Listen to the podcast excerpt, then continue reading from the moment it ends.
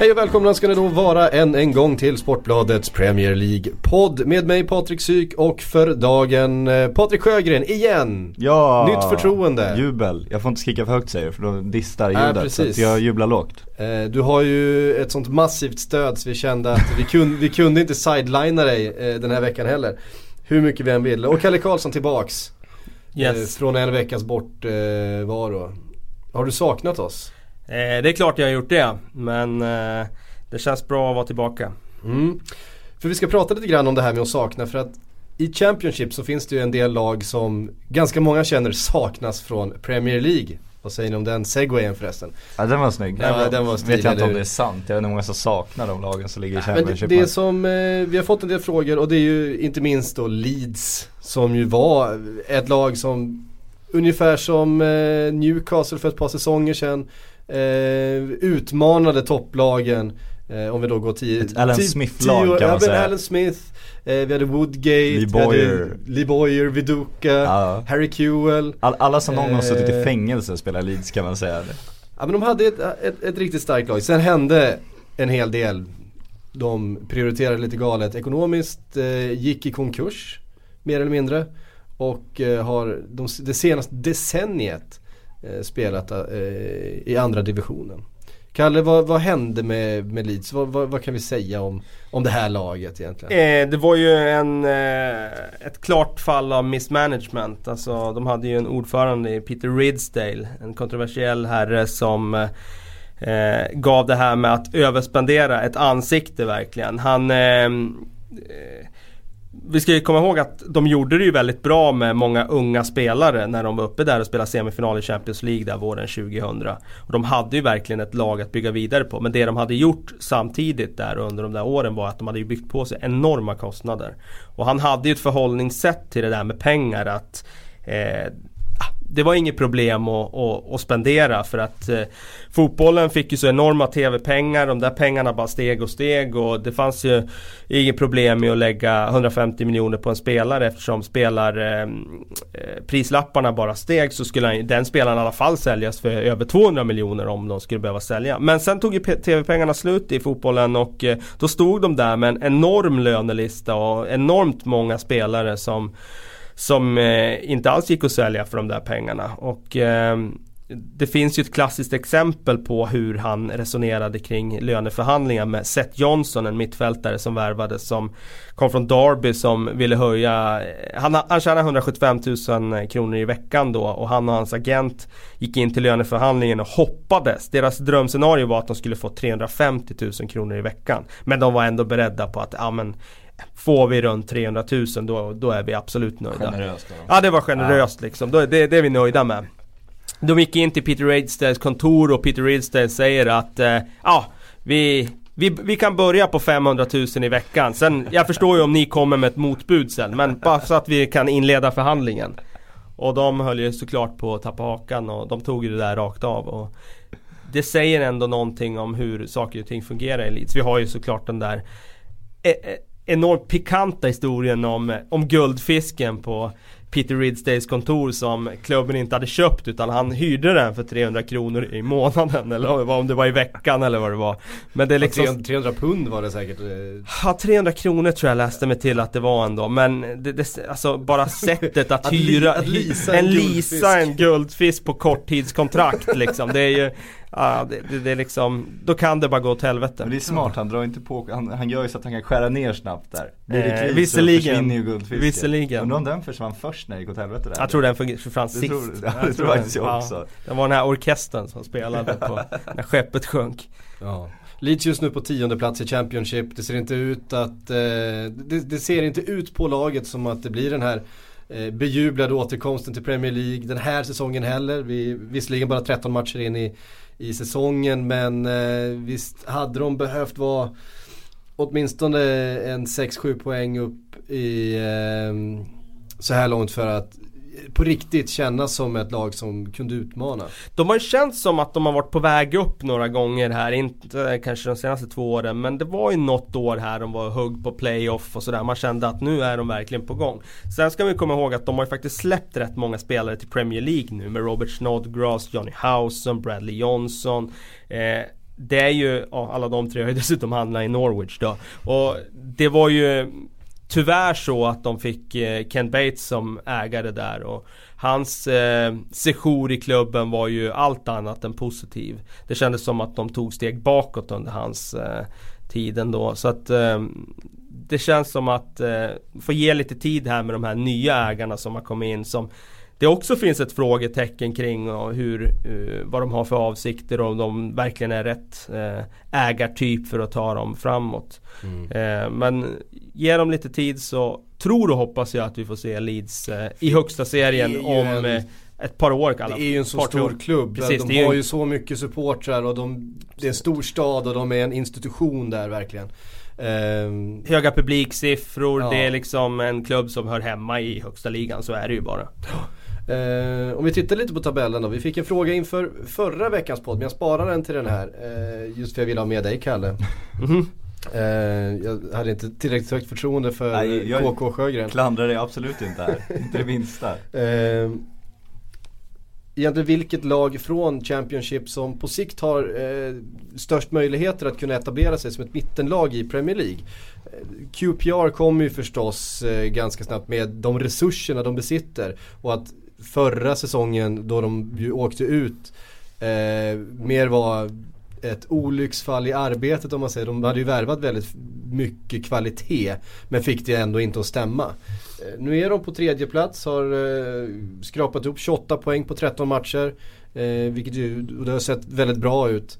Eh, tror du vi får se ett QPR som ett Premier League-lag under lite längre sikt? Eller blir de, är de ett jojo-lag? Eh, ska man bedöma vilka klubbar det är som har eh, chans att etablera sig då kan man ju inte titta på laget och spelarna utan snarare på ägarsidan. Det är ju så det, det, det är den verkligheten vi lever i. Och QPR har en ägare då, Tony Fernandes, som har mycket pengar, som har visat att han är beredd att, att backa upp laget. Så att jag tror definitivt att av de lagen i Championship så har QPR på kort sikt bästa eh, utsikterna att etablera sig. Sen tror jag även att en klubb som Leicester som har en stark ägare, de här thailändarna som var inne redan på Svennis tid.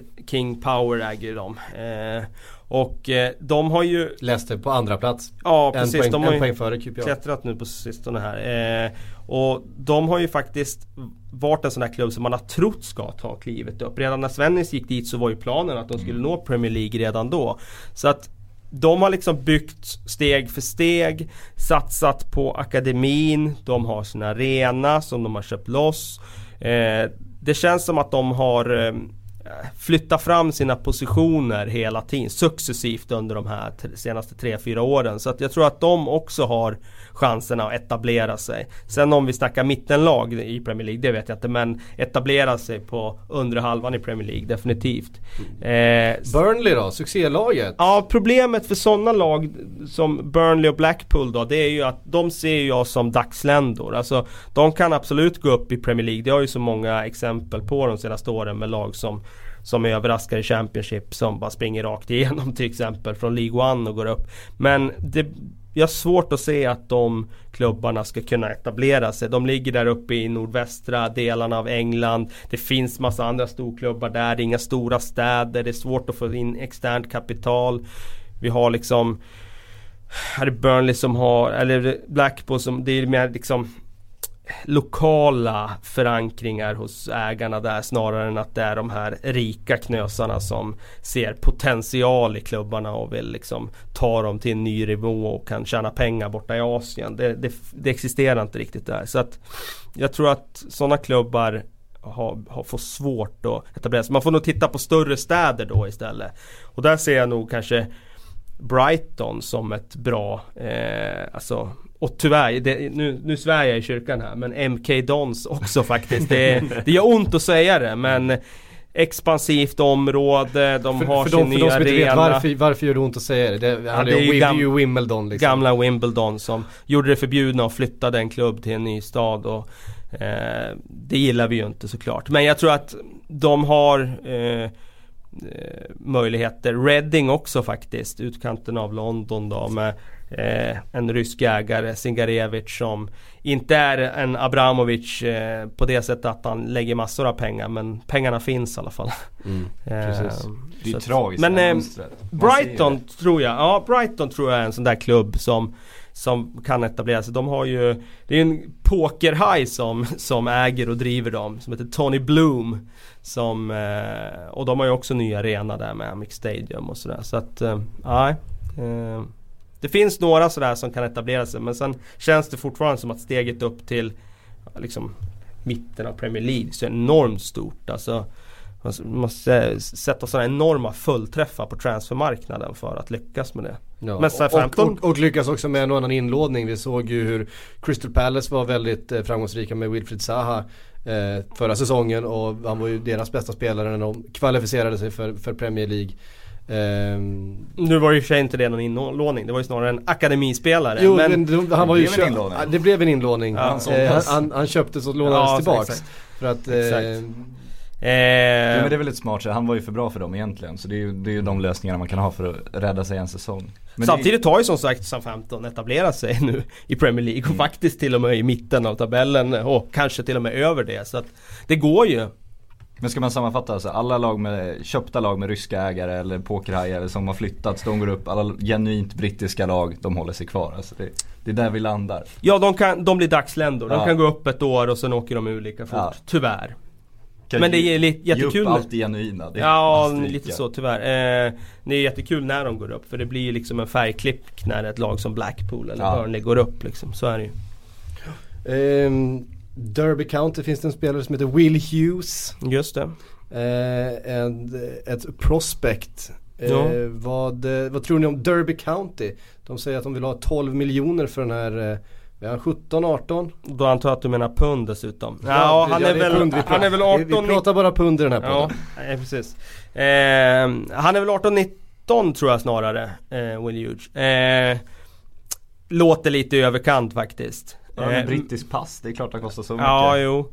Eh, samtidigt så tittar de väl på ungefär vad Wilfred Zaha kostar och Ja. sen tänker de att han sitter trots allt bara på i- bänken eller inte ens Nej, det. inte ens och, det här va. och då, Derby just nu på åttonde plats i, i, i Championship. Eh, och De verkar ju inte speciellt sugna på att släppa sin, eh, sin mittfältare det här. Januarifönstret har ju pratat mycket om Liverpool.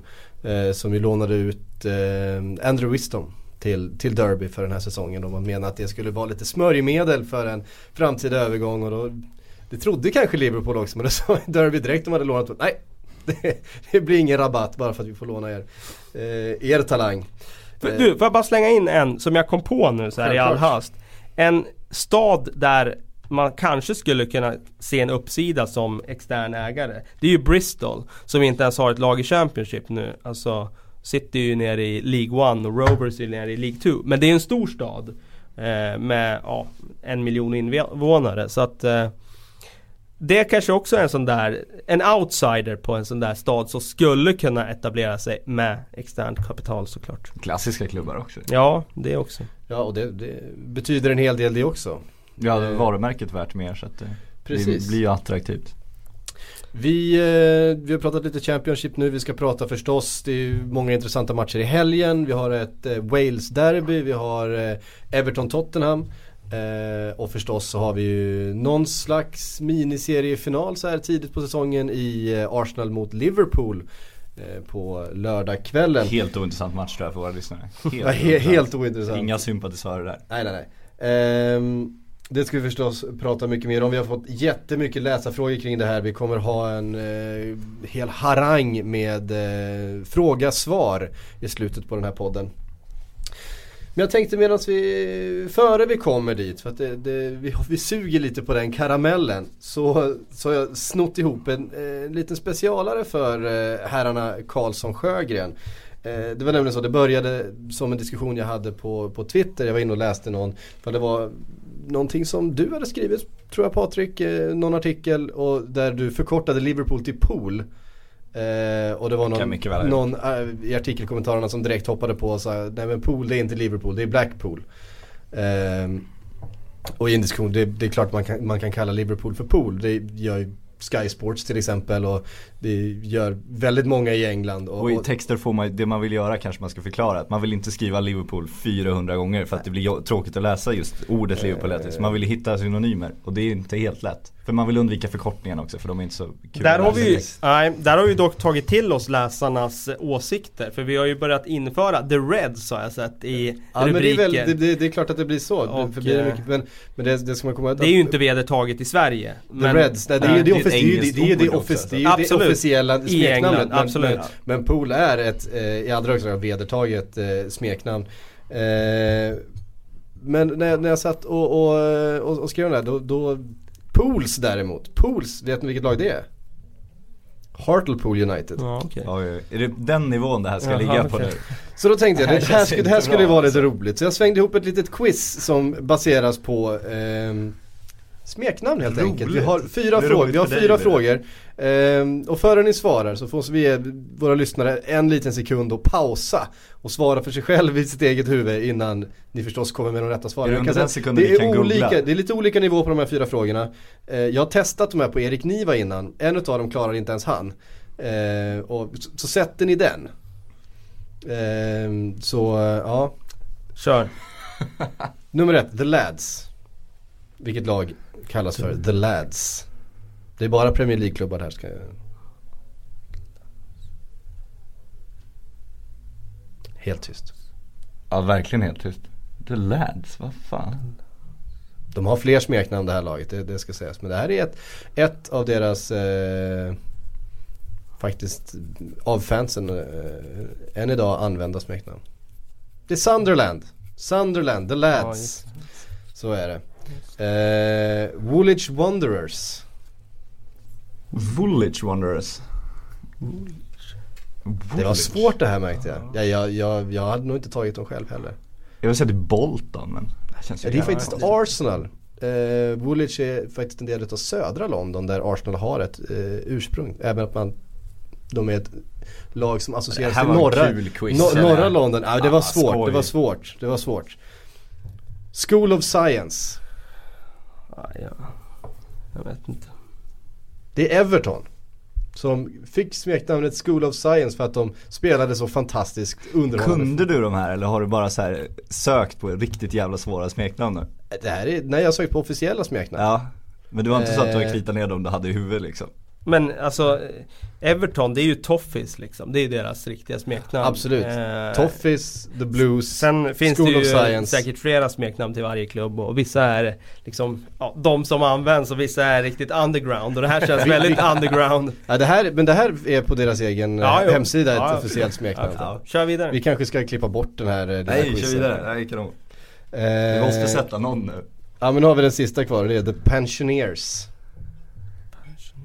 Ja det, var den, det här var den som Erik Niva inte tog. Nu ska, nu ska han, tog de, han tog de andra. Det är nu vi bara ska klippa egentligen och så klippa in när vi säger rätt svar i mun på varandra. Bara för såhär Jewel Town eller något sånt där? Nej nej det, det är Premier League-klubbar ja, bara. Okay. Vi sa 15 rakt av alltså. Nej det är Chelsea. Det var det officiella smeknamnet på, på Chelsea. Det var det, det var det de kallades fram till 1952. Ah, okay. eh, då, jag föddes ju 53 så det var lite olyckligt eh, Och det handlade helt enkelt om att det låg ett eh, hospice i närheten utav deras mm. Eh, sen finns det en, The Trotters vet ni vilka det är? Mm. Bolton. Bolton, precis. Och anledningen till att de kallas att, the, uh, A Trotter är någon som går väldigt försiktigt. Det är to trot. Uh, och anledningen till att de fick namnet The Trotters var att deras original arena, alltså planen när de spelade sina hemmamatcher, låg precis intill en svinfarm. Så bredvid planen så var, så var det grisstior.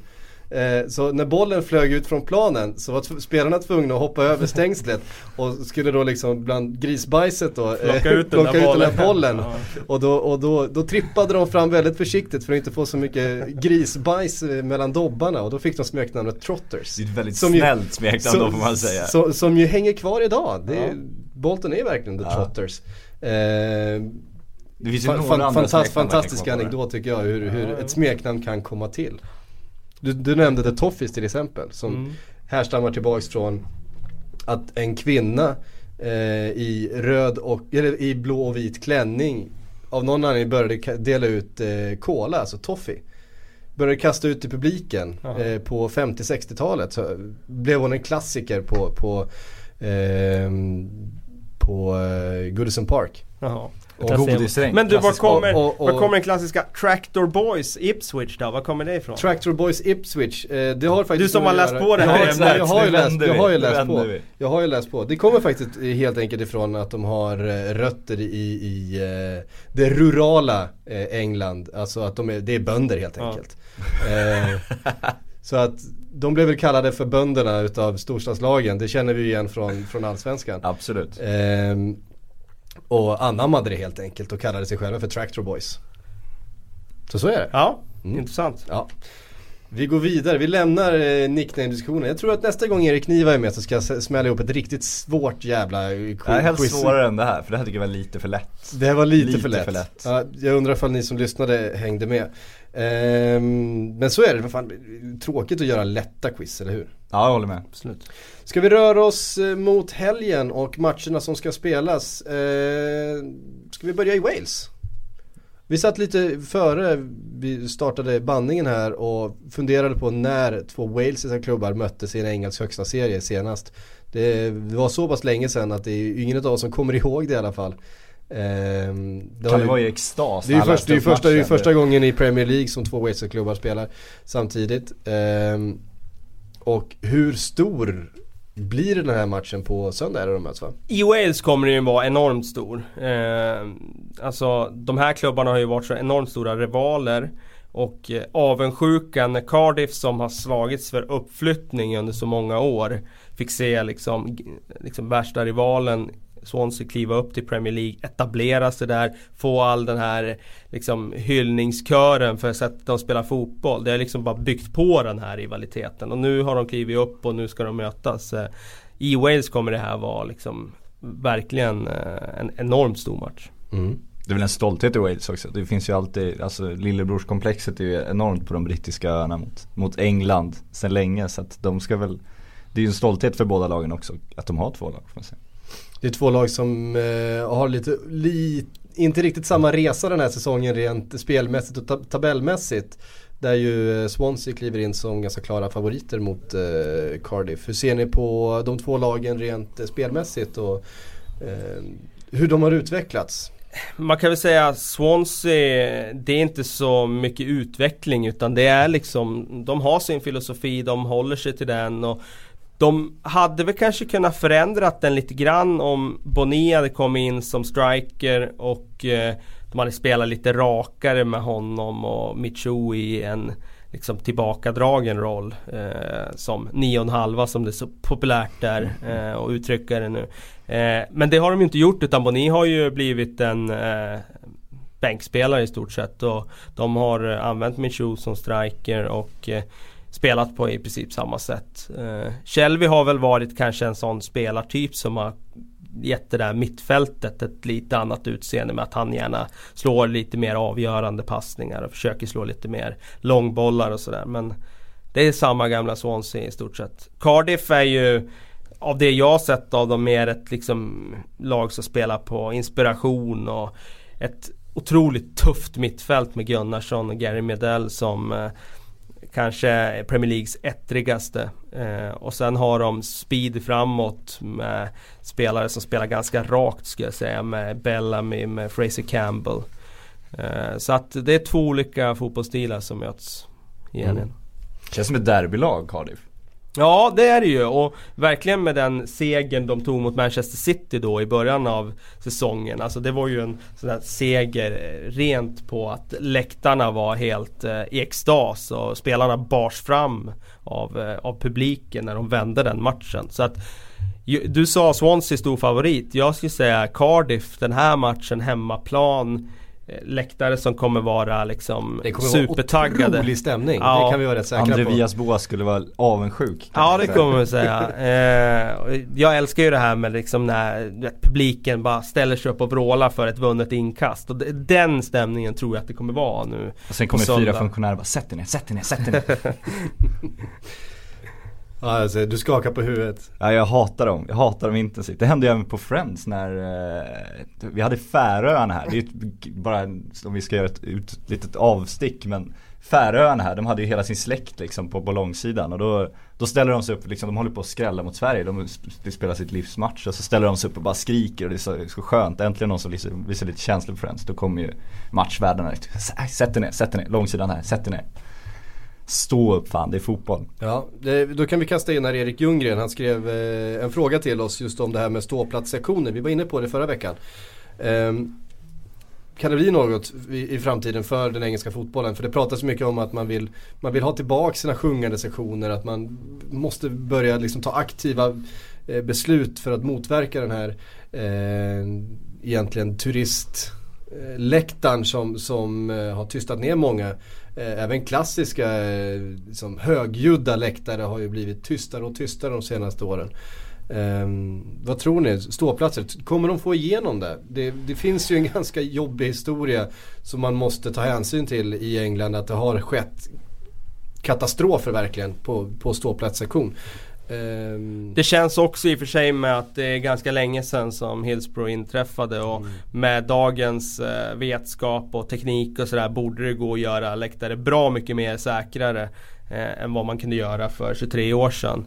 Eller 24 år sedan är det Eh, så att jag tror definitivt att vi kommer få se det här framöver. United har ju tagit ett steg och gått i bräschen med den här sjungande sektionen på Old Trafford. Och vad jag förstår så verkar ju gensvaret ha varit positivt av den. Så att eh, eh det är nog inte alls omöjligt att eh, andra klubbar tittar på det där nu och Eh, planerar för att också göra något liknande. Men det finns ju sportslig förare som du var inne på Cardiff som blir framlyfta liksom. Det finns ju saker att tjäna. Vias Boas var ute och fladdrade över att deras fans hade vänt sig mot dem och liksom inte ger dem tryckstöd på hemmaplan nu. Så de vill ju ha det, det märks att det är en debatt som kommer nu. Ja, för vi kan säga det att Vias Boas var ute i, i, efter matchen i helgen och, och, och beklagade sig över det, det svaga stödet från läktaren. Eh, nu var det ligacupmatch igår mm. eh, där Tottenham efter ett fantastiskt mål utav eh, eh, Sigurdsson eh, ställde sig upp och, och, försökte liksom klappa igång laget och då blev de omedelbart eh, tillsagda att sätta sig ner annars skulle de bli utslängda. Eh, det är en besvärande kontrast. Ja. Fast, gillar du event också? Det är kul med United att de har ju sin sjungande sektion och då är det, det är ju den sektionen det är svårast att få biljetter till nu. Mm. För de har gjort så att det är bara de som har haft säsongskort riktigt länge som de vet liksom verkligen stödjer klubben. Det är de som får biljetterna. Det är ju det är en skön skillnad för, för några år sedan. Det var ju liksom Klacksektionen var ju arbetarstället. Det var ju där det var billigast biljett. Det var där alltid liksom Det var där de som inte hade råd att vara någon annanstans stod. Precis. Och nu, nu kommer det ju vända då. Att nu kommer det vara det kreddigaste stället då. Det. det är ju det, det är ju en intressant, att, det är en intressant vändning. Intressant utveckling och det talar också för att det kanske blir ett säkrare ställe om det är svårt att få en biljett på din, det är liksom där du, du måste verkligen jobba för att komma in på klacksektionen. Jag tror att det blir, det blir bättre ordning då också tror jag. Jag tror det är längre för de personerna att göra no någonting som verkligen skadar klubben. Om man kvalificerar sig där genom att äga säsongskort i flera år länge. eller sjunga väldigt högt då. Så ja, det kanske är andra sektioner nu som kommer börja sjunga för att få stå där på den. Ja, det är auditions på ja, andra då. då, kan, då, måste vi slänga in det här som hände på St. James's där eh, en del utav eh, Newcastle-publiken blir mer och mer högljudd mot ägaren Mike Ashley. Eh, inte helt oväntat kanske. Där de här säkerhetsvakterna försökte tysta en sektion på St. James's eh, lyckades inte med det och ville ta polisen till hjälp för att helt enkelt slänga ut dem eh, de här supportrarna som vecklade ut banderoller som anti-Mike Ashley. Eh, och polisen lyfte absolut inte ett finger för att eh, hjälpa säkerhetspersonalen med detta och eh, de var helt chanslösa för de här supportrarna sprang och, och gömde sig bland, bland andra supportrar Eh, och de var helt enkelt för många för att säkerhetsvakterna själva skulle göra någonting åt det. Så det skanderades en hel del jobbiga eh, saker mot Mike Ashley. Eh. Han jobbar ju aktivt nu får vi säga för att tysta ner det. Det är ju nästan som en litet inbördeskrig i något annat land. Alltså det är jättekonstigt vad han håller på. För de ju, det var ju tre tidningar som bevakar den här eh, protestmarschen Newcastle-fansen gjorde i stan då inför match. Och och då portar de de tre tidningarna från, från pressrummet efter matchen då Newcastle. Vilket är, alltså det är ju så osannolikt dumt det de håller på med. Ju... Mot lokaltidningarna mm. som eh, de verkligen ska kämpa för att ha en bra relation med. Ja och det, det som händer nu är att nu är ju fansen och lokaltidningarna på samma sida mot klubben. Och jag vet inte vad klubben tjänar på det här riktigt. Och kan man misstänka också den lokala polisen. ja men det, det är bara att tänka vad är det lokala polisen för människor? Jo när de hänger upp uniformen så kan jag ana att de också gillar att gå på fotboll. Så att de har ju förmodligen sina polare där på läktaren. Så kan det absolut De sympatiserar nog snarare med dem på läktaren än med Mike Ashley om vi säger så. Så, så kan det absolut vara. Ja, missnöjet eh, mot Mike Ashley det, det lär ju inte vara det sista vi hör om det. Nej det är väl inte det första det här heller. Det här har ju hållit på i många, många år. Däremot får man säga att Newcastle såg väldigt bra ut igår. Eh, det var då ligacupmatch mot eh, Manchester City.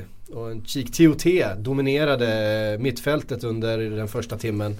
Eh, såg riktigt imponerande ut. Ett Newcastle utan eh, då, nu tappar jag namnet.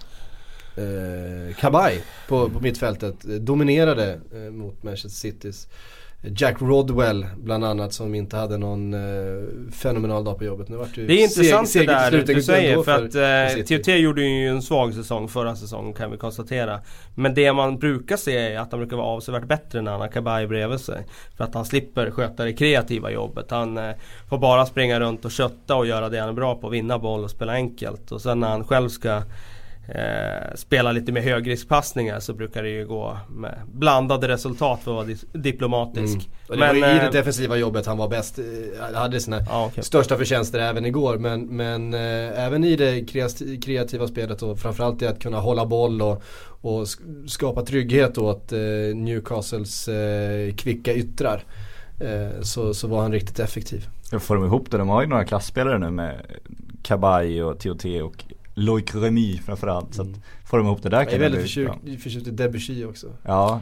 Debussy var ju en katastrof tycker jag förra säsongen när han värvades där. Men han mm. faktiskt nu, jag senaste tiden, säsongen, ja. så har han visat en klart bättre sida. Eh, och eh, även igår tycker jag som sagt att han var bra. Mm.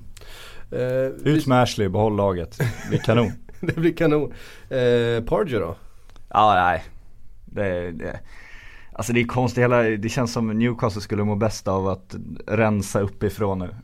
Egentligen, det kommer inte hända det här men, men ut med Ashley, ta in en ny sportslig ledning och börja, börja liksom bygga på det lag ni har ändå. Det, de har ju värvat bra de har gjort, det får man ge det, det, finns, det finns ett klassiskt skämt som eh, komikern Dave Chappelle brukade använda sig Han sa ja, jag, Om jag blev den första svarta presidenten, det här var nog tio år sedan som han hade en, en, en show där han hade det här skämtet. Om jag skulle bli den första svarta presidenten Ja då skulle jag se till att ha en mexikansk vicepresident för då skulle ingen våga skjuta mig.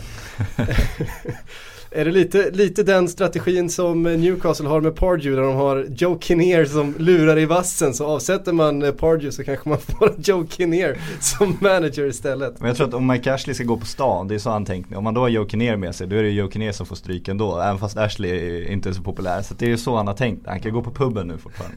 ja precis.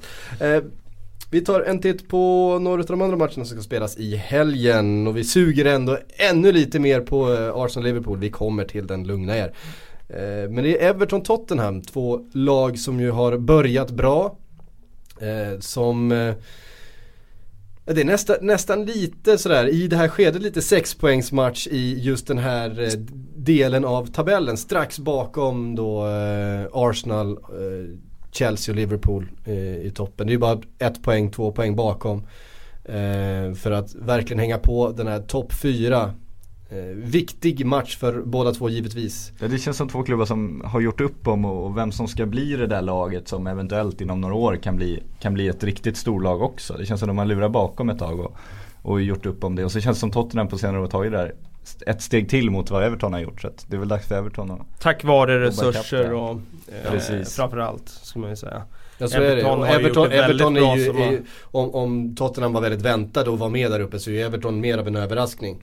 Mm. Eh, förstås tillsammans med Southampton eh, som vi har pratat mycket om. Eh, men vad säger vad, vad Everton, Tottenham i dagsläget. Det finns gott om kvalitet. I båda lagen? Ja det gör det ju. Om man tittar på startelvorna så känns det som att Everton kan eh, Alltså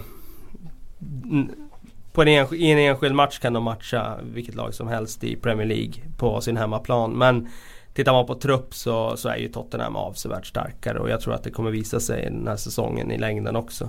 Eh, skulle Everton få skador på nyckelspelare så tror jag att de kan få det tufft. Mm. Och med tufft menar jag ju såklart inte att de kommer rasa ner till en eh, 15 plats utan jag menar att då, då kommer de få ge upp det här de, eh, ja, där de är nu och liksom hotar uppåt mot topp 4. Det tror jag de får svårt att göra i längden. Europadrömmen? Alltså en Europa League-plats det kan de kanske knipa. Det håller jag inte för omöjligt. Tottenham? Ja, det, det, de ska ju definitivt sikta på att vara på topp 4. Det ser jag inget annat. Ser jag ingen anledning till att de inte skulle göra. Knapp seger mot Hall igår. Nu är det visserligen ligacup, man ställer inte kanske upp med bästa laget. Vi hade till exempel Townsend på, på läktaren igår. Eh, vad säger vi om Tottenham? Det har, kanske, det har pratats mycket om Lamela och alla de här inköpen och så har Andros Townsend klivit in som den Eh, egentligen det största genombrottet och den stora stjärnan i laget. Ja, det var lite överraskande med tanke på att han kändes ju som att han startade den här säsongen som tredje val på den där högerkanten bakom Lamela etta skulle jag nog säga och eh, Lennon tvåa. Lamela med den prislappen och det ryktet han kom med. Lamela har ju haft tufft eh, inledning av Premier League och VSBO sa ju faktiskt det eh, även utåt nu att han erkände att eh, att eh, Lamela haft en jobbig start i England. Så att, men han får man ju ge tid. Jag menar den sydamerikan som ska anpassa sig till, till, en ny liga. Det liksom får ge han kanske ett halvår till innan vi dömer vad han mm. gör. Och jag menar han är ung fortfarande. så att han har ju definitivt tiden för sig. Eh, men Townsend är ju jättekul med det genombrottet. Och jag hade någon diskussion här med Jag skrev om Townsend här för någon vecka sedan. Och jag skrev att han var en den offensiva nyckelspelaren i Tottenham och det var vissa Tottenham-fans som inte höll med. Men jag, jag tycker att han offensivt är han just här och nu nyckelspelare för Tottenham. Sen har ju de så väldigt bred trupp så att jag vet inte, alltså det är ingen, det, de har ju ingen som är nyckelspelare i, som kan jämföras med som Bale var i fjol. Men eh, jag tycker att han är en sån där spelare som det är han som får saker att hända. Alltså han kan skapa en målchans från ett låst läge genom att göra en spelare, genom att gå in och utmana, dra på sig liksom understöd från en annan motståndare vilket skapar luckor för andra. Han har liksom den egenskapen som alla toppklubbar behöver som möter försvar som backar hem på egen planhalva.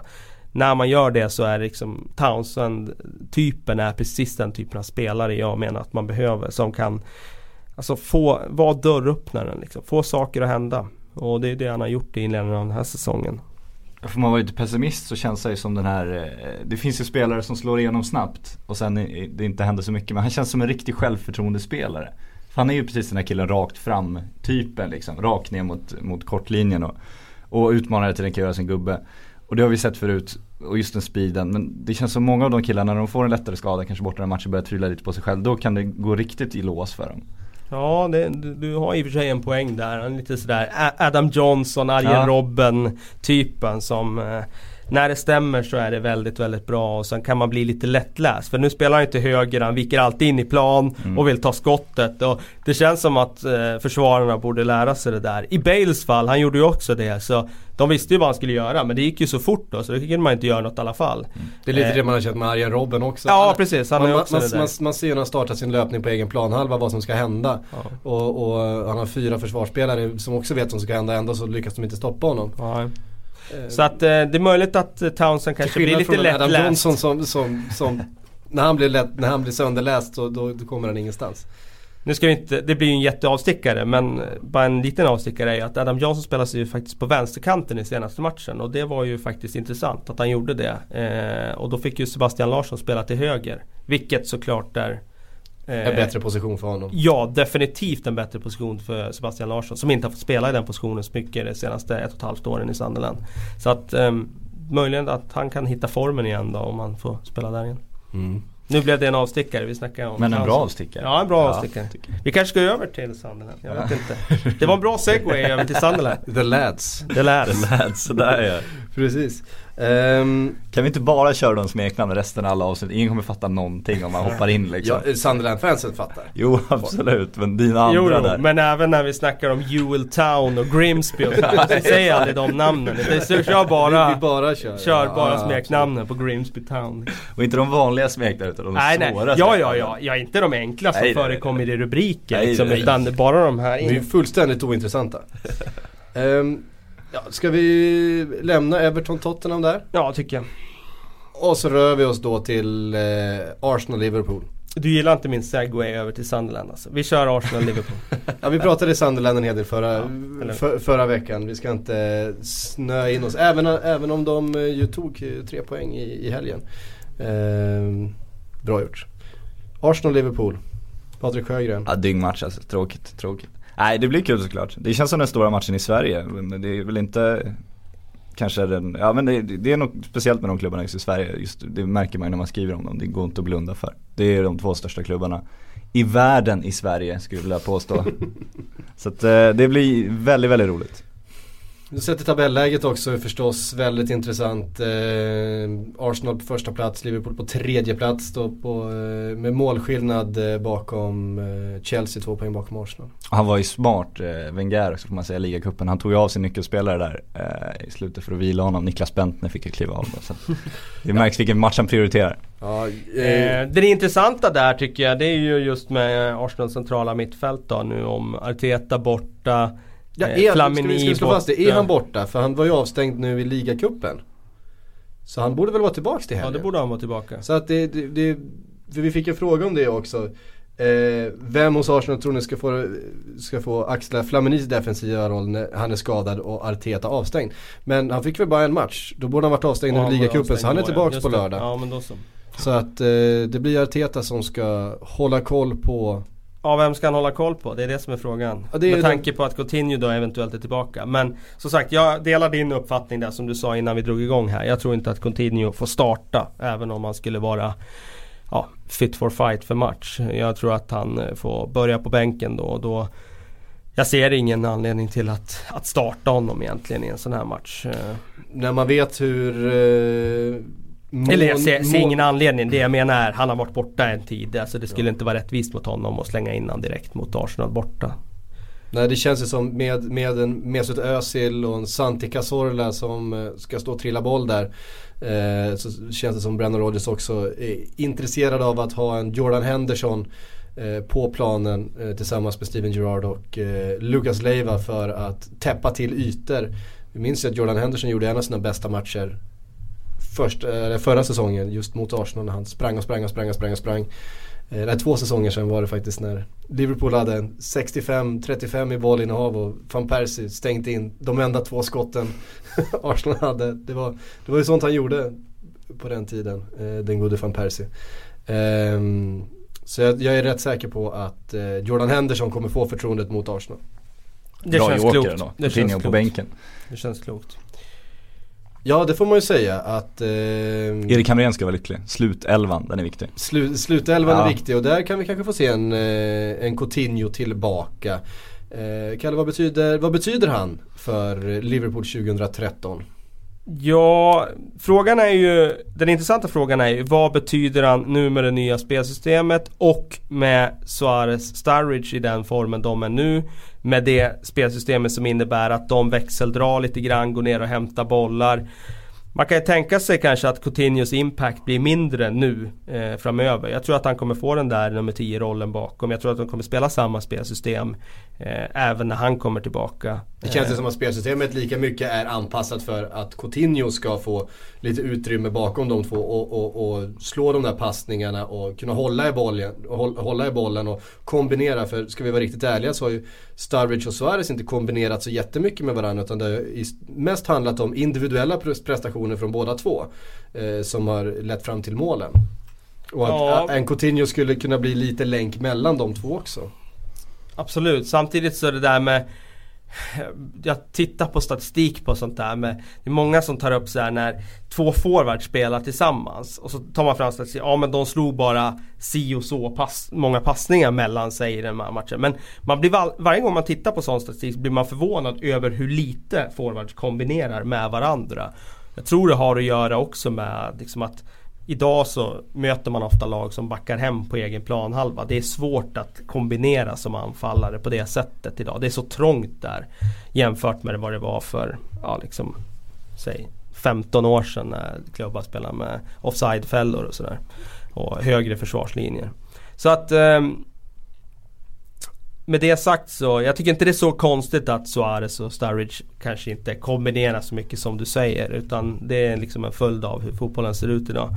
Eh, Coutinho kommer att få nummer 10-rollen bakom. Vi får se om han har lika stor impact då som han hade när de spelade 4-2-3-1 och han fick kreera bakom en ensam striker. Men det sätt de kombinerar på som man ändå kan säga det är att alltså, det, det är ju inte bara att passa till varann som handlar om att kombinera, det är öppna ytor för varann och så vidare. Om man då har två killar som nästan är i toppen av skytteligan Det visar ju rätt tydligt att de att de fungerar ihop. För annars så är det ofta så att när det kommer en stor anfallare och du får in en, en riktigt stor anfallare till tillsammans så brukar den ena svälja den andra så att säga. Så att han, han tar över det mesta och den andra får inte så jävla mycket boll. Så att det har de verkligen lyckats med tycker jag. Jag tror en stor anledning till också att eh, har valt det här. Två, alltså att spela med två anfallare är ju för att han vet hur mycket uppmärksamhet Suarez drar på sig. Mm. Och hur, hur stökig han är och jobbig han är för vilket försvar som helst. Och att det, det ger ytor för en, för en Daniel Sturridge som ju behöver lite mer ytor än, än Suarez. Suarez behöver ju nästan inga ytor alls. Han är ju som bäst när han får ett motlägg och bollen studsar mot ett knä och helt plötsligt är han förbi. Eh, Medan Daniel Sturridge gärna vill, vill få den där sekunden strax utanför straffområdet som vi såg i helgen också. Han lobbade tjusigt. Ja det kan man lugnt säga. Jag älskar den där typen av mål alltså. Det var sånt där som man själv alltid försökte med och alltid misslyckades med. ja, det, jag har sett rätt många misslyckas med just, med just den men det, det gjorde han bra. Eh, Arsenal då. Eh, Mesut Özil är ju spelaren eh, att, att hålla koll på.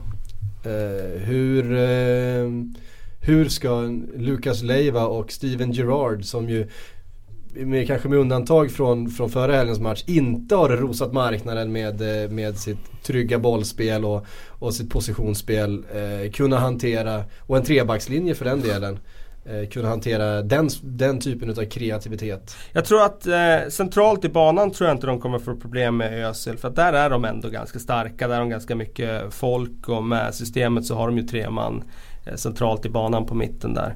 Eh, och är det dessutom Jordan Henderson som spelar så kommer ju Gerard och Lucas få mer understöd än vad de hade fått av en Coutinho.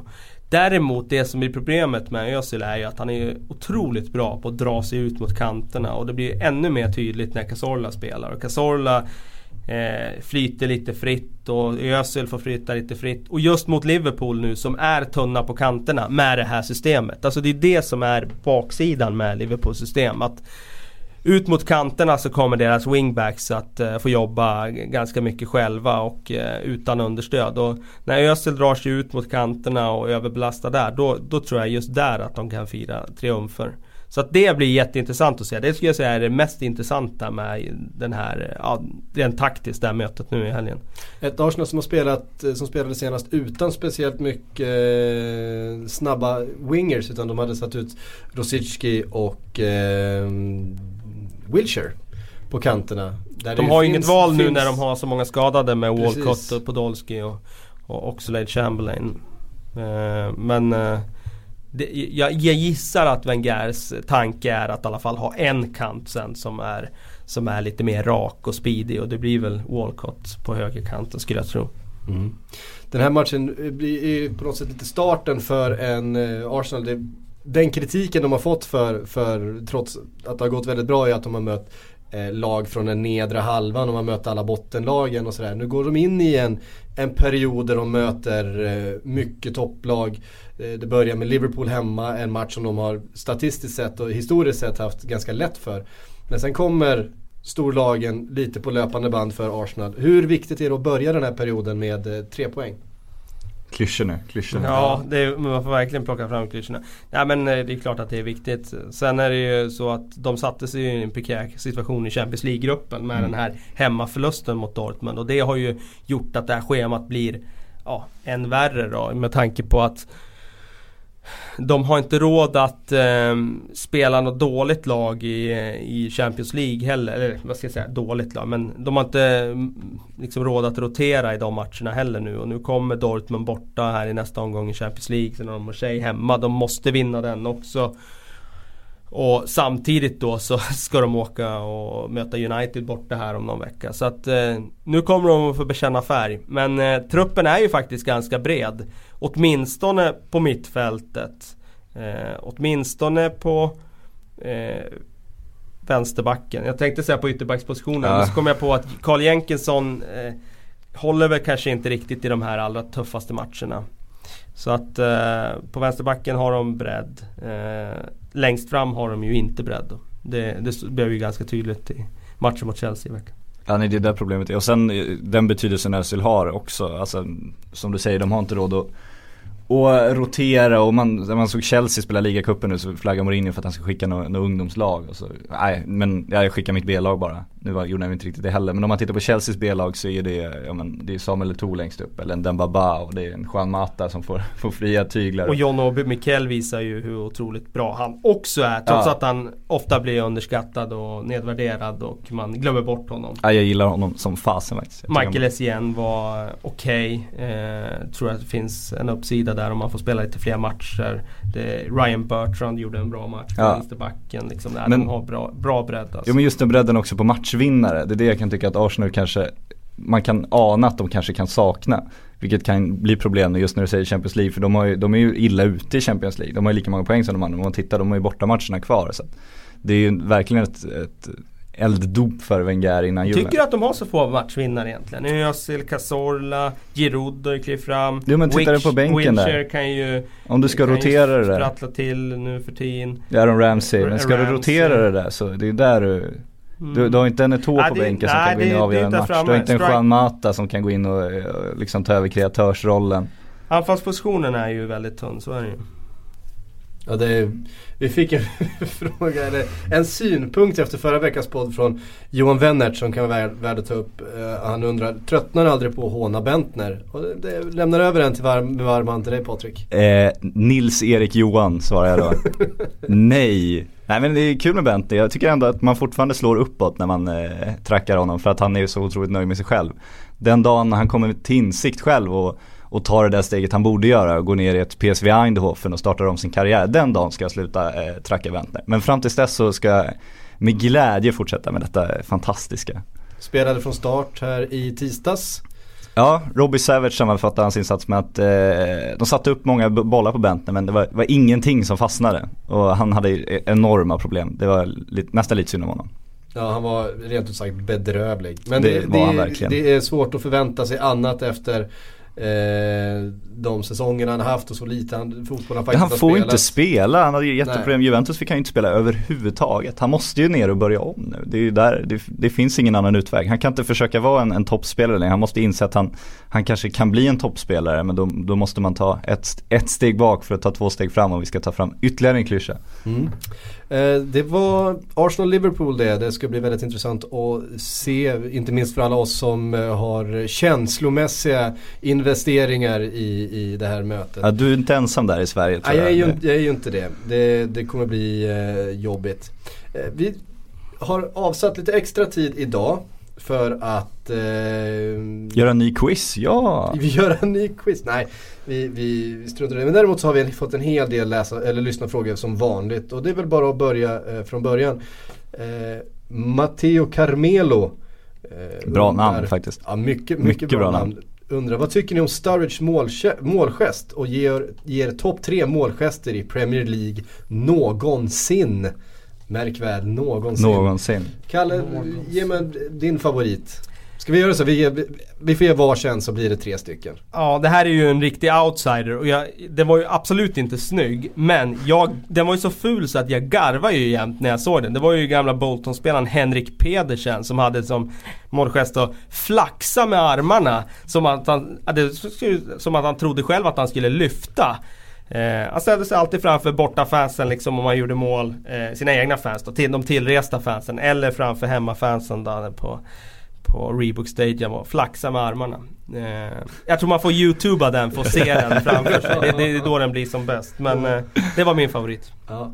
Patrik? Ja, jag eh, gillar ju inte de här bygga varumärkesmålgesterna, de här inövade där man Gareth Bales hjärta som han har Exakt, varumärkesregistrerat. exakt så. En Usain Bolt liksom, där det verkligen är genuint genomtänkt. Jag gillar ju en, en gammal Pippo Inzaghi när han bara är glad och i, England är det ju Alan Shearer. Det är ju den. Upp med handen, ut mot, ut mot linjen bara. Det, det är så man firar mål. Ja. Ehm, ja, då får jag väl slänga in, alltså, jag, jag gillar ju Peter Crouch robot. Det är ju, och det är ju för att han ser ut som han gör. Och så gör han den här roboten med, ganska, med viss framgång. Den, den gör han inte bort sig på dansgolvet med. Jimmy Bullards Leka Magister är ju liksom en klassiker. Allt Jimmy Bullard gör är ju, är ju bra. Finns ju en så- bra golfsving också som har, använts en gång. Ja. Craig. Bellamy. Craig Bellamy, förlåt. Fast det var faktiskt inte i Premier League, det var ju borta mot Barcelona eh, Ja, i precis. Champions League. den, den ska Ja. nämnas ändå. Ja, jo. Men de, Ja. Ja. Robbie, Allt Robbie, med- allt Robbie, med Robbie. Fowlers vita lina. Också en klassiker. Den är, den är, den är svår. Den är svår att Svår toppa men det var ju engångsföreteelser mer än någonting annat. Eh, Suarez när han eh, filmar framför Moyes var ju bra också. Det var rätt roligt. Ja, det var det. Jag tyckte det var kul. Framförallt att han gjorde, han gjorde den typ två meter från också. Det kunde inte bli mer tydligt liksom. full, full sprint ner och sen bara dö framför Ja. fötterna på Nej, jag tyckte det var kul. Även Adebayor mot, mot Arsenal. Eh, när han springer Ja, hela vägen ner. Eh, den, Det är kanske kul inte är ordet riktigt men kul, ja. men den är intressant ja, intressant är den. kan vi säga. Eh, vi går vidare, jag hoppas ni eh, fick lite att youtuba där i alla fall. Martin Örmgård, eh, även kallad Dr Podcast, han eh, skriver ofta eh, frågor till oss. Undrar, när kommer Southampton att tappa? Eller har de en trupp för toppen? Om inte, vad behöver de mer i spelarväg? De behöver ju mer bredd framförallt med tanke på att de har den här Jag har ju flaggat för det tidigare tror jag även i den här podden att eh, de spelar ju ett spel som kostar enormt mycket energi med det här höga pressspelet. Och det man har sett på andra klubbar det, eh, som gör det, det är ju att man tappar efterhand. Till exempel då Athletic Bilbao. Eh, som gjorde det här om året. Och, eh, jag har sett ett frågetecken kring om de orkar hålla uppe det här pressspelet hela säsongen. Och truppen är ju inte jättebred, ska sägas. Mm. Gabriel Augustsson vill att vi ska ta upp Amartey-ryktet till Liverpool och det är ju intressant eftersom vi har sett honom här i Allsvenskan under säsongen och han har verkligen gjort ett avtryck i, Allsvenskan och nu ryktas det alltså om ett, eh, en flytt till Merseyside. Ja, eh, Salt. God morgon. God Nej, morgon. det är ju ingen riktigt, riktigt, det är inte The Guardian-klass på det här riktigt än. Det är, väl- det är väl Daily Mirror och, och andra som har snappat upp det och ska man Kom inte ryktet från Sverige från början? Nej, Kom inte uppgifterna från Sverige från början? Jo, det är väl, eh, jag tror att det var Fotbollskanalen som skrev att, att. Liverpool följer Daniel Amartey, alltså har scoutat honom. Och eh, i dessa eh, tider när det inte är jättegott om silly season-rykten så gillar brittisk media, de, ja men de hugger på allt då, det är minsta chans de får. Så helt plötsligt så är ju en, en allsvensk spelare jättehett nyhetsstoff i England. Och då helt plötsligt så, eh, så accelererar ryktet från att Liverpool scoutar Don Lamartey till att Liverpool kommer köpa Don Lamartey i, i januari. Och så hänger eh, hans eh, afrikanska medier på och ringer upp honom och han, han bekräftar det här ryktet.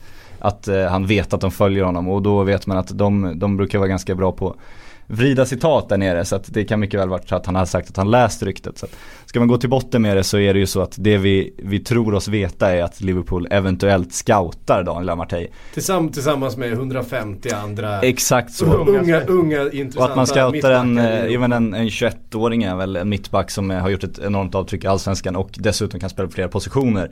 Det är ju ingen jätteskräll att man kanske kan se honom som en bra breddspelare i framtiden till exempel.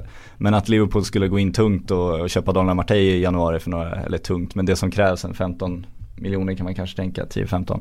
Kronor alltså. Ja, kronor. En pratar jag inte vi pratar i den här podden. Nej men och sen, sen eh, låna ut honom till, till något lag i Championship. Det är väl det som eventuellt skulle kunna hända och jag håller det, även det för högst osannolikt. Mm. Ehm, vi fortsätter vidare. Simon Tellson eh, ber oss prata om Ramirez. Underbar säsongsinledning, fantastisk mot City. Kalle. Det är ju en typisk Mourinho-spelare tycker jag. Alltså den där... Eh, jag kommer ihåg Mourinho första gången han var i Chelsea. Då pratade han just om den här vikten av att ha både jättebra spelare men sen ha spelare som är av medelkvalitet. Eh, alltså inte superstjärnor.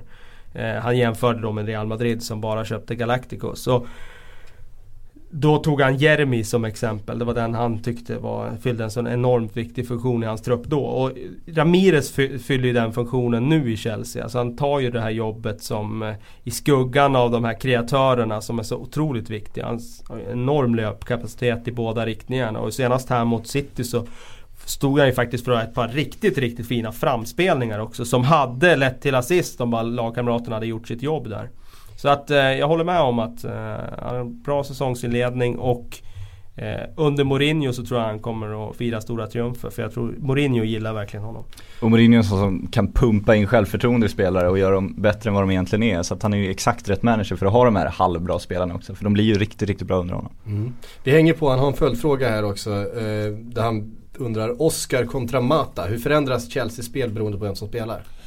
Ja, alltså när Mourinho vill spela det här omställningsspelet så är ju Oscar en mer rak spelare. Alltså han kvickare, går kvick, liksom, kvickare till anfall, bättre på att löpa med boll, eh, eh, mer rakt på mål. Medan Mata är den eh, otroligt skickliga spelaren på att lugna ner spelet, bygga upp passningsspel och hitta liksom sista tredjedels passningar mot låga försvar. Det är han ju bäst i Premier League på tycker jag. Eh, så att eh, Mata mot låga försvar. Eh, Oscar eh, när man ska spela omställningsspel, alltså matcher där man leder och själv får lite mer ytor. Då skulle jag nog tro att Mourinho kommer föredra Oscar alla dagar i veckan. Det är ju bara att gå till nationaliteterna där så ser man ju exakt hur de är. Alltså Mata, spanjor, eh, mycket bollkladd, mycket sidled, eh, tålamod, lika upp försvar och skarp brasse rakt på mål. Mm.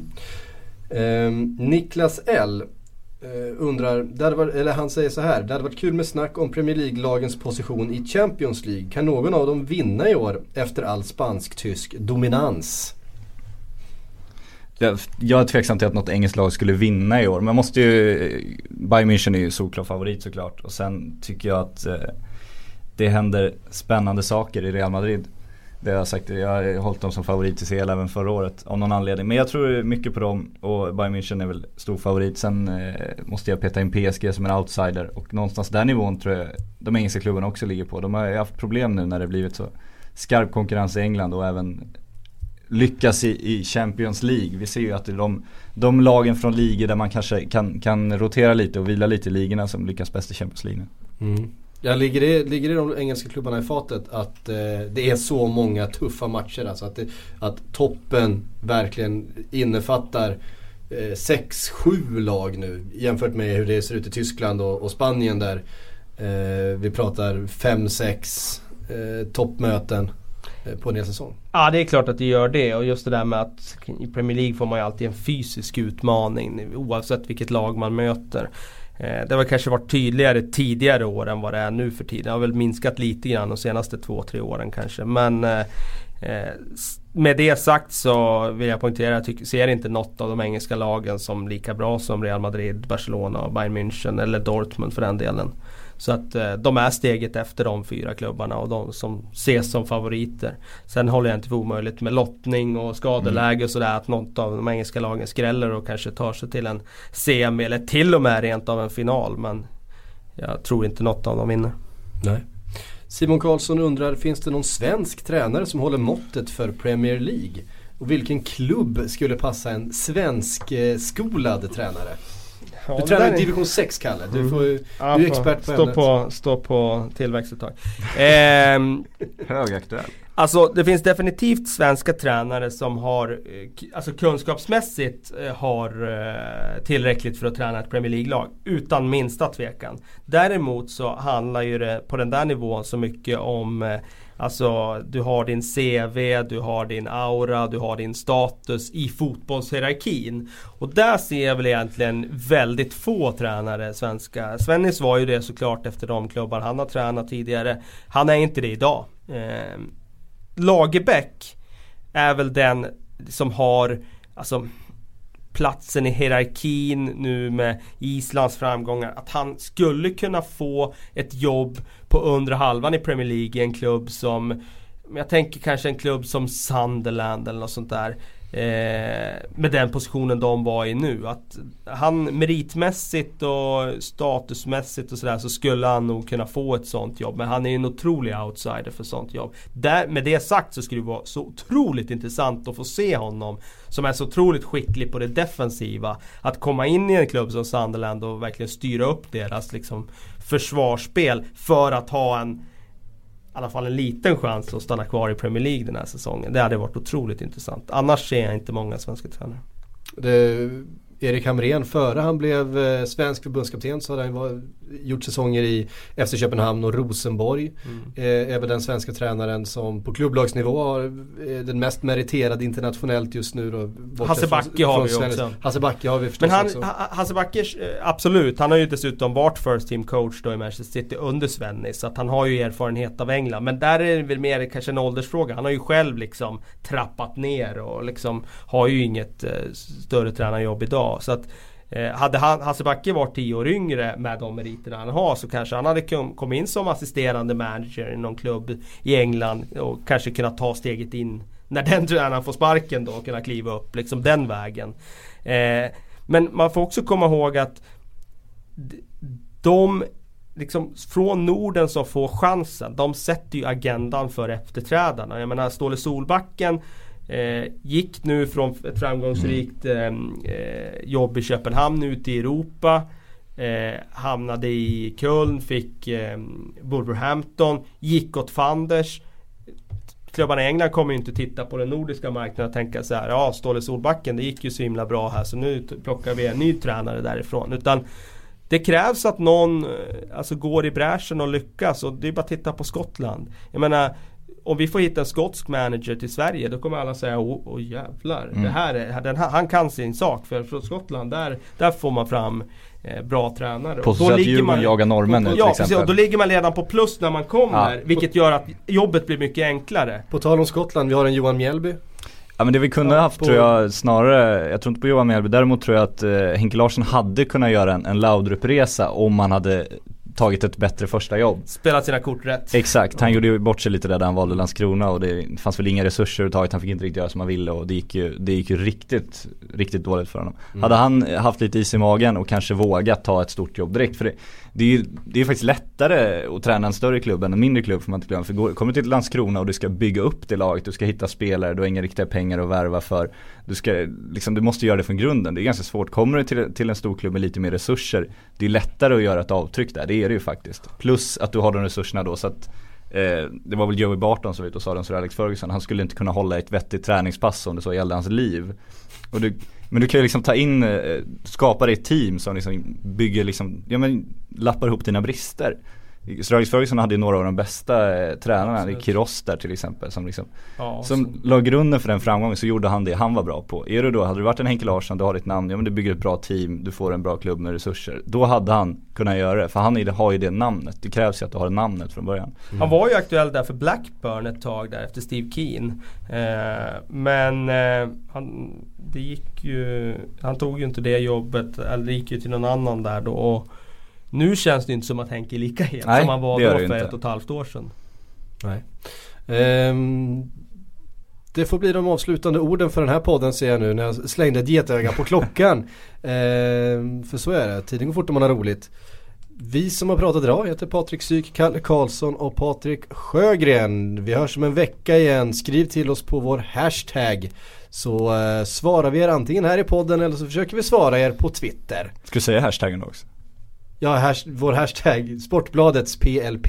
Den har väl satt sig nu eller? Ja, ja, ja det hoppas vi. Men... Och sen Trendaren, det är ju måttet på om den har satt sig. Ja, ja precis, exakt. så får den att trenda nu. Och sen så ska vi också pusha för att nästa vecka så kommer vi med en halvtidsrapport i Silly Season-podden. Ja, det ser vi fram emot. glädjande. Det vet jag att eh, många där ute också har längtat efter. Så vi, vi tar ett, eh, ett fullständigt stryptag på alla de här ryktena, Amartai och allt vad det heter. Större, Leighton Baines och... och Leighton Baines och, och, allt annat som det surras omkring. Så håll utkik nästa vecka så kommer vi med lite silly season podd också. Men förstås Premier League-podden nästa torsdag. Vi hörs, hej!